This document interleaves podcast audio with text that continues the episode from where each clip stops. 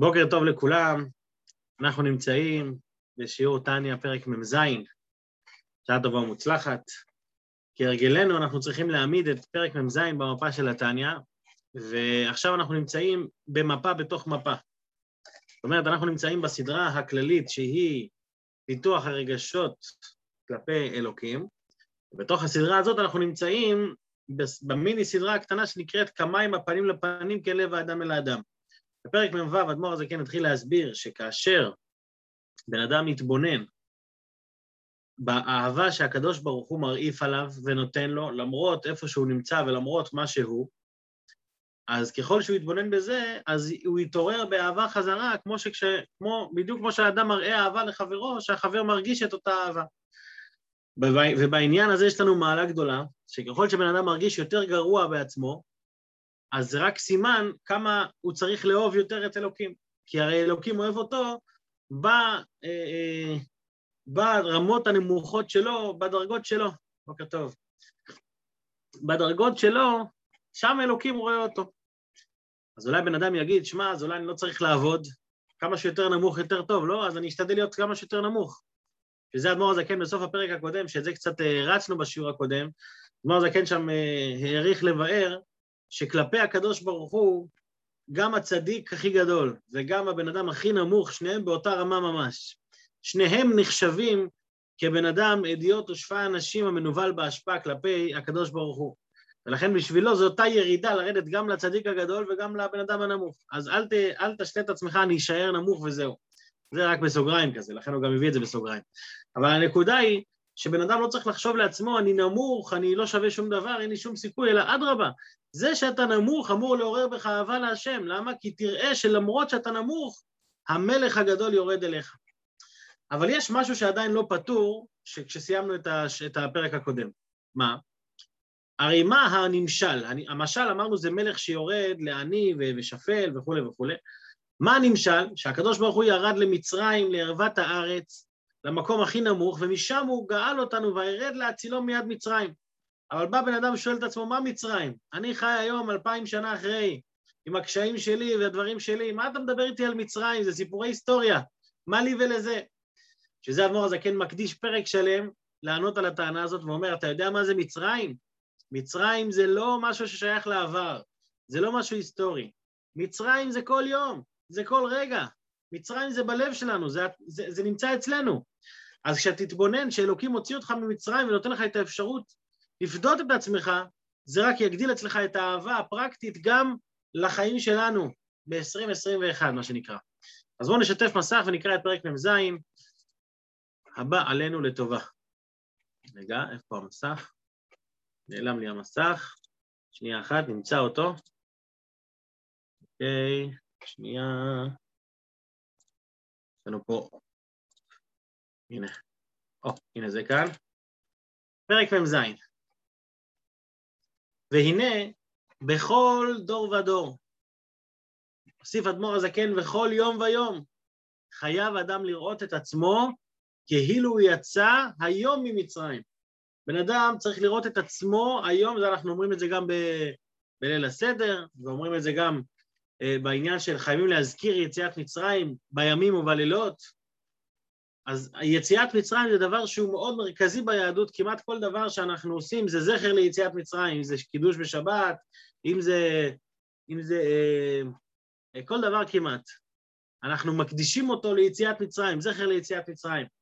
כי אדם צריך לראות את עצמו בכל דור ודור כאילו יצא היום ממצרים. זה לא רק מה ששייך לעבר, ששייך להיסטוריה, ויציאת מצרים הזאת היא זאת ש... שפודה אותו ביום-יום. מה זה אומר? מה זה יציאת מצרים ביום-יום שלנו? מסביר אדמו"ר הזקן, והיא יציאת נפש האלוקית ממאסר הגוף. הנפש נמצאת במאסר של הגוף. מה זה אומר שהיא נמצאת במאסר של הגוף? אמרנו כבר כמה פעמים שהאופן שבו הנפש האלוקית מתלבשת בגוף היא בצורה כזאת שהיא נהיית חלק ודבר אחד עם הנפש הבעמית. ולכן כל, כל זמן שהיא בעולם היא מעורבבת איתה כל הזמן. כמה שהיא מנסה להיות טוב, היא תמיד תישאר, היא תישאר מעורבת עם הטוב והרע שיש בנפש הבעמית. אז היא תמיד תמיד מרגישה במאסר, היא מרגישה שהיא כלואה, היא לא יכולה להוציא את הפוטנציאל הגדול שלה כל הזמן. ולכן זה נקרא מישחא דחיביא. מה זה מישחא דחיביא? זה אור הנחש. זה דרגה כל כך נמוכה שהוא מסתיר ומעלים האלוקות כמו אור של נחש. אז ככה גם הנפש האלוקית מרגישה שהיא במאסר, שהיא במצרים. יש לה הגבלות. ההגבלות האלה זה ההגבלות של הגוף, ההגבלות של נפש הבעמית. היא בעצמה מה הייתה רוצה? היא הייתה רוצה להיכלל בייחוד אור אינסוף ברוך הוא.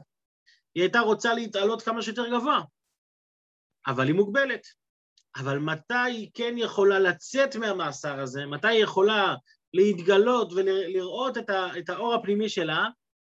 על ידי עסק התורה והמצוות. זאת אומרת, כשבן אדם מקיים מצווה, כשבן אדם לומד תורה, מה קורה בשעת הקיום מצווה או הלימוד תורה, הוא יוצא ממצרים ברגע זה. למה? כי אז הוא מגלה את הנשמה האלוקית שבו, והוא נותן לה ביטוי בחיי היום-יום שלו. אז אם יש לי מצרים היום, הדרך שלי לצאת ממצרים זה מה?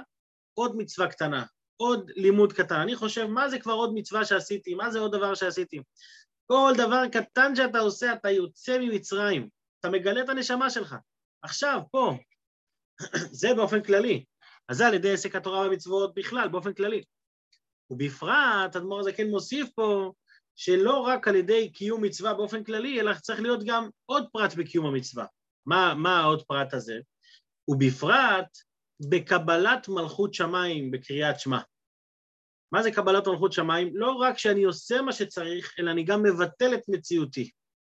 מתי אני עושה את הדבר הזה? בקריאת שמע, בתפילה.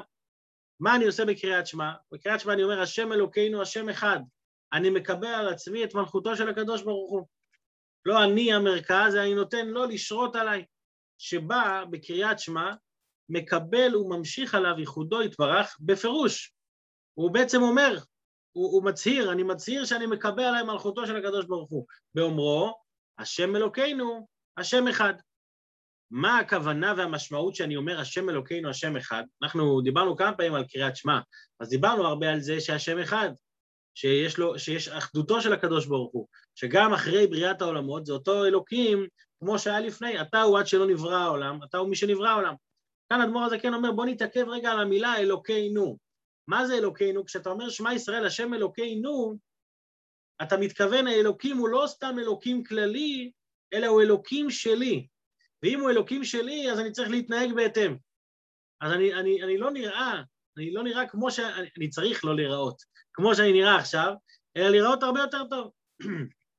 וכמו שהתבהר לעיל, בפרק הקודם כבר הוא הזכיר את העניין הזה, פרק מ"ו, את העניין שאלוקינו זה כמו שהוא אמר, אלוקינו ואלוקי אבותינו, אלוקי אברהם, שמה זה אומר? שהוא אלוקים של אברהם, שהוא אלוקים של יצחק, זה, זה אלוקים פרטי שלי, זה לא אלוקים שהוא מלך על כל העולם, אלא הוא מייחד מלכותו על עמו ישראל בפרט.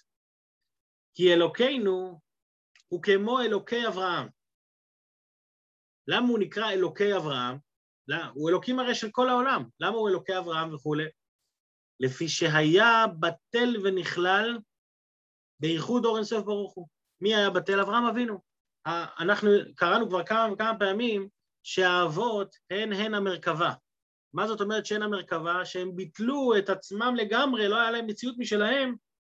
כל המציאות שלהם כמו מציאות של מרכבה כלפי הרוכב, שאין לה דעות משלה, אין לה מציאות משל עצמה, כל מה שהיא רוצה זה מה, שה, מה שהרוכב אומר, מה שהוא עושה. אז אותו דבר האבות הקדושים, למה הם זכו להמשיך לנו נשמה קדושה? כי הם היו מרכבה לאלוקות. הם היו, הם היו כל כך בטלים, הם זכו להמשיך לנו את הנשמה הזאת, הנשמה שמחוברת ברמה הכי גבוהה. אז מה ההבדל בין אברהם לנו? אני, בן אדם גם פה יכול לשאול את עצמו, רגע, רגע, אני לא אברהם אבינו, אני לא מרכבה לאלוקות. אני מכיר את עצמי שאני לא בטל, אני לא... יש לי מציאות עדיין. אברהם היה בטל לגמרי, אבל מה איתי? אני לא בטל. אז אדמו"ר כן מוסיף פה שפה חשובה, שהיא גם יסודית, אה, מה שנקרא, יסודית לחיים. מה ההבדל בין אברהם אבינו לדור שלנו. ההבדל, ההבדל בקטע טוב, זאת אומרת, ההבדל הוא שלנו יש יותר טוב מאברהם אבינו. מה יש יותר טוב? הוא מסביר ככה. רק שאברהם זכה לזה במעשיו והילוכו בקודש ממדרגה למדרגה. איך אברהם קיבל את האור הזה, האור העליון של הקדוש ברוך הוא, בעבודה שלו. הוא עבד קשה, הוא התייגע, הוא, שבר את עצמו, עבר ניסיונות, בסוף הוא הצליח. והוא עלה לאט לאט ממדרגה למדרגה, כמו שכתוב, וייסע אברהם, הלוך ונסוע וגומר. העבודה שלו היא באופן של לעלות שלב אחרי שלב בצורה מסודרת. אבל אנחנו, מה אומר אדמו"ר הזקן? אבל אנחנו, ירושה ומתנה היא לנו. אנחנו, בשונה מאברהם, גם אם אנחנו לא עובדים כמו אברהם ולא מגיעים לרמת ביטול כמו אברהם, את הדרגה, את הרמה הזאת של אלוקינו, שהשם הוא אלוקים שלנו, אנחנו מקבלים את זה במתנה. מה זה ירושה ומתנה? ירושה, בן אדם שהוא יורש, כתוב שהוא נמצא במקום המוריש. זאת אומרת, מישהו ש, שנפטר ויש לו uh, בן והוא יורש אותו, אז הבן עומד במקום אביו, בכל הדברים שאבא שלו היה, אז הוא עכשיו נמצא במקומו. זה נקודה ראשונה. ומה זה מתנה? מתנה זה אומר שאתה מקבל משהו אפילו אם לא מגיע לך. גם ירושה, הרי צריך שיהיה איזה יחס וערך, ש, ש, שתהיה ראוי לזה, שהוא יוריש הוא יכול להוריש למישהו אחר. מתנה לעומת זאת, לא משנה מי אתה, אם קיבלת מתנה, אז קיבלת את זה, זהו, זה שלך. אז אנחנו, שאנחנו לא אברהם אבינו, שאנחנו לא עובדים כמוהו, אנחנו קיבלנו את, ה, את הדרגה, את הרמה הזאת של אלוקינו, שהקדוש ברוך הוא אלוקים שלנו, קיבלנו את זה בירושה ומתנה היא לנו, שנתן לנו את תורתו, והלביש בה רצונו וחוכמתו יתברך המיוחדים במהותו ועצמותו יתברך בתכלית הייחוד. כשאנחנו קיבלנו את התורה, קיבלנו אותה במתנה, לכן אה, זה נקרא מתן תורה. מה זה מתן תורה? אלוקים הביא לנו את זה במתנה. מצד אחד כתוב, יש שני, יש שני מקורות על, על התורה, מצד אחד כתוב תורה ציווה לנו משה, מורשה קהילת יעקב. מצד אחד את התורה קיבלנו בירושה. מצד שני, ונתן לנו את תורתו. מה זה נתן לנו? הוא נתן לנו את זה מבחינת מתנה. וכשאלוקים נתן לנו את התורה, כבר דיברנו כמה פעמים שהתורה הוא וחוכמתו אחד. זה לא שיש שני דברים נפרדים, יש את הקדוש ברוך הוא ויש את התורה. לא, התורה היא, זה הוא בעצמו. אז כשהוא נתן לנו את התורה, והרי זה כאילו נתן לנו את עצמו כביכול. אז מה, אז מה קורה פה? בלי עבודה, בלי יגיעה, בלי שהתייגענו על זה, קיבלנו את זה ככה, איך שזה. מה זה אומר שבן אדם לא צריך להתייגע? מה פתאום? פעם הצמח צדק, אומרים על שהאדמו"ר הזה כן, נראה לי, אמר לצמח צדק שהוא רוצה לברך אותו, אה, וואי, אני לא זוכר עכשיו את הפרטים המדויקים, שהוא רוצה לברך אותו, ב... לתת לו תורה במתנה. אז הוא דחה את הברכה, הוא אמר, אני לא רוצה תורה במתנה, אני רוצה תורה שאני, שאני אתייגע עליה. ואז הוא אומר, רק כשגדלתי הבנתי שאם הייתי מקבל תורה במתנה, אז הייתי מגיע לדרגות הרבה יותר גבוהות שעליהן צריך להתייגע עוד. אז, אז חבל שוויתרתי על אותה מתנה. זאת אומרת, שאין, זה שקיבלנו במתנה את התורה זה לא אומר שלא צריך להתייגע. כי בשביל לקבל, כי בשביל להבין את התורה הזאת שאותה קיבלת, אתה צריך ללמוד, אתה צריך להתייגע. אז מה זה כן לא שולל פה עבודה והגיעה. אבל מה הוא כן רוצה ללמד אותנו? הוא רוצה ללמד אותנו שבמעשה קטן, בלימוד קטן, אני התחברתי לאיזה דרגה? לאותה דרגה של אברהם אבינו. וכמו שהוא יגיד יותר מאוחר, לא רק שהתחברתי לדרגה של אברהם אבינו, התחברתי לדרגה אפילו יותר גבוהה. למה? כי אברהם אבינו לא קיבל מתנה. אברהם אבינו עבד מעצמו. כשאתה עובד מעצמך, אז כמה שאתה עובד, זה מה שאתה מקבל. מתנה זה אומר שאתה מקבל בלי שעבדת. אז כשאלוקים נתן לנו את תורתו, המתנה שהוא הביא לנו היא יותר גבוהה ממה שאברהם אבינו קיבל. כי זה לא תלוי בכלל במעש, במעשים שלנו, בעבודה שלנו. זה נטו מתנה מהקדוש ברוך הוא. אז, אז הרמה, הדרגה היא הרבה הרבה יותר גבוהה. נכון, לאברהם אבינו יש מעלה שהוא בעצמו השיג את זה. אנחנו לא, לא משיגים את זה בעצמנו. אבל, אבל המעלה שלנו זה שיש לנו, שיש לנו כוחות ביד אפילו יותר גבוהים מהכוחות שאברהם אבינו קיבל. מביא לזה מקור מהזוהר, מקור למה? מקור לזה שהקדוש ברוך הוא נתן את, ה, את התורה, שזה הוא בעצמו, כמו שכתוב בזוהר הקדוש, על פסוק, ויקחו לי תרומה. מה כתוב שם בזוהר? מה זה ויקחו לי תרומה? של, של, אל תקרא את זה ויקחו לי תרומה, אלא ויקחו אותי תרומה. דלי, אומר, אומר שלי, מה זה לי? כלומר אותי. כשעם ישראל לוקחים את הקדוש ברוך הוא בעצמו, שהם לוקחים אותו. על ידי נתינת התרומה הזאת, שהם נצטוו במשכן, זאת אומרת על ידי מצווה, ציווי שהם נצטוו, הם לוקחים את מי? את הקדוש ברוך הוא. אז לכאורה נשאלת שאלה, אז היה צריך להיות כתוב, ויקחו, פסיק, ו, אה, ולי תרומה, שהם ייקחו את, ה, את אותו תרומה, הם ייקחו את הכסף ואת הקדוש ברוך הוא, שניהם הם ייקחו כתרומה. אז זה מה שהוא מסביר פה. דלי כלומר אותי, והווה לילי מימר היה צריך להגיד ותרומה, זאת אומרת, היה צריך להיות ויקחו, אה, סליחה, ויקחו לי ותרומה, ייקחו לי אותי ותרומה, את התרומה של הכסף. אז למה אין שם את הוו הזאת? אלא משום דכול אחד, עיין שם היטב. זאת אומרת שכשלוקחים את הקדוש ברוך הוא, זה אותו דבר. שלוקחים, המצ... שלוקחים אותו על ידי המצוות שלו, ועל ידי, זאת אומרת, הוא והמצוות, הוא והחוכמה, הוא והתורה, זה דבר אחד. לכן לא צריך לכתוב ויקחו לי ותרומה, אלא ויקחו לי תרומה. איך אתה לוקח אותי? על ידי התרומה הזאת. מקווה שהעניין מובן. בכל אופן, הנקודה היא, הנקודה היא שמה? שכשיהודי תופס את התורה, הוא תופס את הקדוש ברוך הוא בעצמו. ונתן לנו את תורתו, הוא נתן לנו את עצמו. וכשאני תופס אותו, אני יכול לצאת ממאסר הגוף, לפחות, לפחות ברגע הזה שאני מקיים את המצווה. וזה המצרים הפרטי שלי. היציאת מצרים הפרטית שלי היא בכל מצווה שאני עושה, בכל דבר שאני עושה. מוסיף אדמו"ר הזה כן להרחיב בנקודה הזאת, והוא מביא פה פירוש, מביא פה פירוש יפה על כמה פסוקים. וזהו שאומרים, וזהו שכתוב, ותיתן לנו השם אלוקינו באהבה. מה זה ותיתן לנו השם אלוקינו באהבה? אנחנו תמיד אומרים, מה זה? שהשם נתן לנו באהבה. אדמו"ר זה אומר, לא. ותיתן לנו השם אלוקינו. מה, אלוקים, מה השם נתן לנו? שהוא נהיה אלוקים שלנו. ותיתן לנו השם אלוקינו באהבה. הוא נתן לנו את זה כי הוא אוהב אותנו, אז הוא נתן לנו את עצמו. אותו דבר בפסוק השני, שאנחנו רואים את זה גם ב-18, כי באור פניך נתת לנו, מה נתת לנו? נתת לנו השם אלוקינו. לפעמים אתה בקשר עם בן אדם ואתה אומר, מה הוא נתן לי? אתה מחפש מה הוא נתן. הוא נתן לי כסף, הוא נתן לי אה, אה, אה, הוא נתן לי, אני יודע מה, כל מיני ברכות. הוא אומר, הוא לא נתן לך כלום, הוא נתן לך את עצמו. מה אתה צריך יותר מזה? כי באור פניך נתת לנו, מה נתת לנו? שהשם יהיה אלוקינו. ולזה, ובגלל שהשם הוא אלוקים שלנו, אין מונע לנו מדבקות הנפש בייחודו ואורו יתברך, אלא הרצון.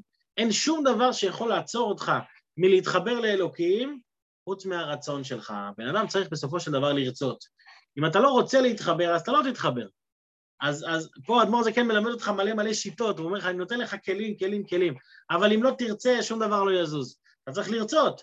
איך תרצה? תתבונן, תחשוב, תבין כמה אלוקים אוהב אותך, וה, וההבנה הזאת תגרום לך את הרצון לעשות. אל תשקע במה שנקרא בשביזות, שביזות יום א', כמו שאומרים. אתה נמצא שבוז כזה, לא רוצה, לא שום דבר, מה אני, מי אני? אומר, לא, כל מצווה קטנה אתה יוצא ממצרים, תעשה משהו קטן, תתרומם, תרומם את עצמך, תוציא את עצמך. ואם זה כל מצווה קטנה ככה, אז הרבה מצוות, מה זה? הרבה יותר. ככל שאתה עושה יותר, אתה, אתה יוצא יותר ממצרים. אז מה הוא מונע? רק הרצון, אלא הרצון. שאם אין האדם רוצה, כלל חס ושלום דבקה בו וכולי. אבל מי שכן רוצה, מה קורה איתו? אבל מיד כשרוצה, הוא מקבל, הוא ממשיך עליו אלוקותו יתברך, כן? יש פה שלוש, שלושה שלבים. דבר ראשון, תרצה. אחרי שאתה רוצה, תקבל. תקבל על עצמך עול מלכות שמיים.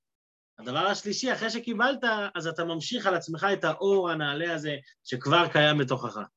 הוא ממשיך עליו אלוקותו יתברך, ואומר, כל זה מתבטא איפה בקריאת שמע, ושם בקריאת שמע מה הוא אומר? השם אלוקינו, השם אחד. מה זה קבלת עול מלכות שמיים שבקריאת שמע? שאתה אומר, השם, שהוא המלך האדיר והגדול, הוא אלוקינו, אלוקים שלי. השם הזה הוא אחד, והוא נמצא פה כמו שהוא היה לפני כן. אז זה גורם לי לבטל את המציאות שלי ולהגיד, אתה יודע מה, אני מבטל את עצמי במשהו. הוא בעצם לוקח את המידה הזאת של אברהם אבינו במשהו קטן. הרי מה, אברהם אבינו, הוא היה בטל לגמרי, לא היה לו שום מציאות. כשאני אומר, השם אלוקינו, השם אחד, אני מקבל על עצמי את מלכותו, ואני אומר, אתה יודע מה, גם אני רוצה להתבטל. לא יודע אם אני מצליח להתבטל כמו אברהם אבינו, אבל רוצה זה כן. מה קורה באותם רגעים? יש לנו, אגב, יש לנו פה משהו פרקטי להתבונן בקריאת שמע, שאנחנו מתפעלים, שאנחנו אומרים קריאת שמע, נחשוב קצת על המילים שאנחנו אומרים. אז מה קורה באותם רגעים? הרי ממילא ממילא נכללת נפשו בייחודו יתברך. באותו רגע אתה יוצא מהמצרים הפרטי שלך ואתה נכלל בקדוש ברוך הוא. דרוח הייתה רוח, שהרוח, זאת אומרת, הרוח הפנימית, הרוחניות, ההתעוררות הזאת, היא מביאה רוח, היא מביאה רוח פנימית מלמעלה, ואמשיך רוח, היא ממשיכה עליך את אותו הרוח האלוקית את, ה, את הדרגה האלוקית הזאת של השם אחד. והיא בחינת יציאת מצרים. ולכן אדמו"ר זקן עכשיו מחבר לנו את, ה, את, ה, את הקצוות של הפרק. איך הוא מחבר את זה? הוא אומר, ולכן תקנו פרשת יציאת מצרים בשעת קריאת שמע דווקא. בקריא, הרי קריאת שמע ויציאת מצרים זה שני דברים נפרדים. זה, למה זה שני דברים נפרדים? מה זה יציאת מצרים? יציאת מצרים זה שאלוקים הוציא אותנו ממצרים, להגיד לו תודה על זה, לזכור את זה. קריאת שמע זה קבלת עול מלכות שמיים. וזה לא בהכרח, זה לא בהכרח אותם, אותו דבר, זה, זה קבלת עול מלכות שמיים, וזה יציאת מצרים, זה שני עניינים שונים. אבל אנחנו רואים שבסוף קריאת שמע, מה אנחנו אומרים? למען תזכור, אה, אה, תיוצ... לא, לא, איך אומרים שם הפסוק?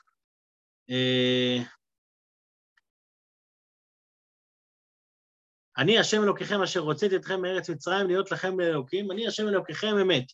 למה פתאום מזכירים יציאת מצרים בתוך קריאת שמע? אז ההסבר, אני אגיד את זה בעל פה ונקרא את זה בפנים. מה ההסבר? ההסבר הוא שיציאת מצרים וקריאת שמע יש להם את אותו תוכן, אותו תוכן. מה התוכן? על ידי שאני מבטל את עצמי ומקבל על עצמי עול מלכות שמיים, שזה התוכן של קריאת שמע, מה קורה לי? אני יוצא ממצרים. אז הנשמה שלי מתרוממת ומתגברת על הגוף באותו רגע. ולכן שני הדברים, למרות שהם שני, הפח, שני קצוות שונים, אבל זה אותו עניין. כי בלי הביטול והקבלת עול לא תצליח לצאת ממצרים. ו- ו- ולכן הדבר הזה הוא פרקטי לכל אחד בזמן שלנו, כי יציאת מצרים זה לא דבר של פעם, יציאת מצרים זה תהליך שקורה לכל אחד כל יום בנפש. היום אני מרגיש מוגבל, היום אני מרגיש שאני לא מצליח להתרומם, שאני, שאני נמוך, שמי אני ומה אני, אומרים לך, תבטל את עצמך קצת, קבל על עצמך עוד מלכות שמיים, תעשה מצווה קטנה, תלמד עוד קצת תורה, באותו רגע הביטול והקבלת עול יגרמו לך לצאת ממצרים. עכשיו בואו נראה את זה במילים של האדמו"ר הזקן. ולכן תקנו פרשת יציאת מצרים בשעת קריאת שמע דווקא. אף שהיא מצווה בפני עצמה, ולא ממצוות קריאת שמע. כדאיתא בגמרא, כמו שכתוב בגמרא ופוסקים. אלא מפני שאין דבר אחד ממש. זה כמו שהרחבנו עכשיו, שהם באמת דבר אחד, הקבלת עול מובילה ליציאה מהמיצרים והגבולים. וכן בסוף פרשת יציאת מצרים מסיים גם כן, אני השם אלוקיכם. למה הוא מסיים בסוף, אני השם אלוקיכם, שחוזרים על זה הרי עוד פעם בסוף, אני השם אלוקיכם אשר יוצא אתכם מארץ מצרים, אני השם אלוקיכם. למה עוד פעם? כי על ידי הקבלת עול אני נהיה אלוקינו, אלוקים שלך. אני נתתי לך את עצמי במתנה. והיינו גם כן כמו שנתבהר לאל. אז כשיהודי מתבונן בדבר הזה, שהוא מתבונן בזה שאלוקים נתן לנו את עצמו, הוא נתן לנו את עצמו היום, כדי שהיום אנחנו נוכל לצאת ממצרים, לא רק לפני אלפיים שנה, אז זה מעורר את הבן אדם ברגשות אהבה חזרה לקדוש ברוך הוא. אם אלוקים אוהב אותי כל כך והחליט לעזוב את כל העולמות העליונים ולעזוב את כל המלאכים והגילויים והכל לטובת מה? לטובת בן אדם נמוך כמוני, אז אני לא אחזיר לו אהבה. מה, ברור, והוא עושה את זה כל יום, הוא לא עשה את זה רק פעם. כל יום הוא יורד אליי בשביל לתת לי את, ה, את האלוקים, הוא אלוקים שלי, מה זה אומר אלוקים שלי? זה אומר שהוא נמצא איתי, הוא לא איזה משהו נפרד ממני. אז ברור שאני חייב להחזיר לו אהבה. עדיין, עדיין לא סיימנו את כל הסוגיה הזאת, למה? כי בפרקים הבאים אדמו"ר הזה כן רוצה להסביר לנו, כאן הבנו כמה שהוא נמצא איתנו, אבל צריך גם להבין עד כמה הוא יורד, זאת אומרת, כמה הוא מצמצם את עצמו, כמה זה כביכול הקרבה בשבילו, לא שזה, זה אלוקים לא שייך המילה הקרבה, אבל כמה הוא מוותר בשבילנו, ככל שתעמיק בזה יותר, אתה תתעורר יותר בלהגיד, וואו, כמה שאני דפוק, אני עדיין צריך לאהוב אותו. בעזרת השם שלא נהיה דפוקים, אבל אם אנחנו כבר דפוקים, לפחות נאהב את אלוקים. יאללה, שיהיה מאיתנו לכולם, שבוע טוב, תורות טובות. שבוע טוב ומבורך, שבוע טוב ומבורך. שבוע טוב.